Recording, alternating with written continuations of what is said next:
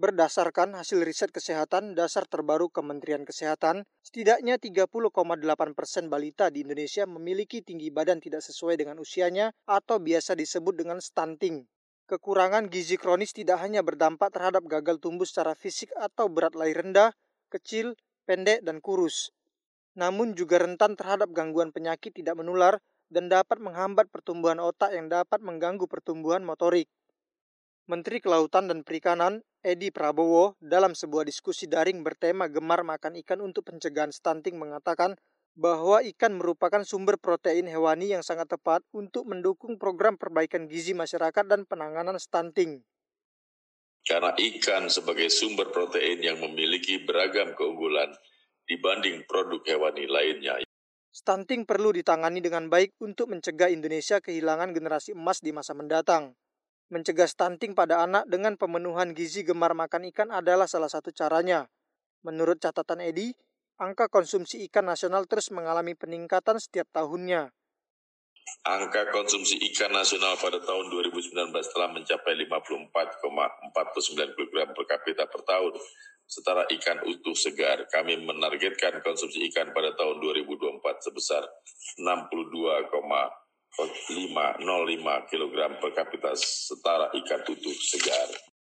Kepala Program Studi Gizi Fakultas Kesehatan Masyarakat Universitas Binawan, Mia Srimiati mengatakan stunting sangat berdampak terhadap perkembangan anak. Pada jangka pendek, stunting akan menyebabkan terjadinya peningkatan mortalitas dan morbiditas. Stunting juga akan berdampak terhadap penurunan perkembangan kognitif, motorik, dan bahasa serta terjadi peningkatan pengeluaran untuk biaya kesehatan. Sementara jangka panjangnya, orang yang stunting biasanya peraw perawakannya akan pendek, kemudian juga akan terjadi peningkatan resiko dan obesitas dan komorbiditasnya. Agar mencegah stunting pada anak, pemenuhan gizi di awal seribu hari pertama kehidupan yang dimulai sejak waktu kehamilan, masa bayi, hingga anak berusia 2 tahun harus dilakukan. Apabila pada periode ini bayi tak mendapat asupan gizi yang mencukupi, akan berdampak pada kelangsungan hidup dan tumbuh kembang anak yang bersifat permanen.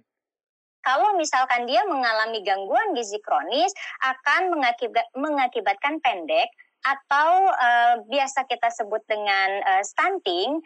Sementara itu, Guru Besar Departemen Gizi Masyarakat Institut Pertanian Bogor, Hardinsyah menuturkan ada banyak faktor penyebab stunting.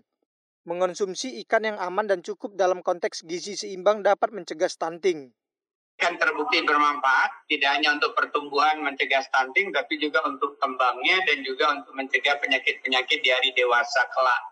Anugerah Andriansyah melaporkan untuk VOA Washington.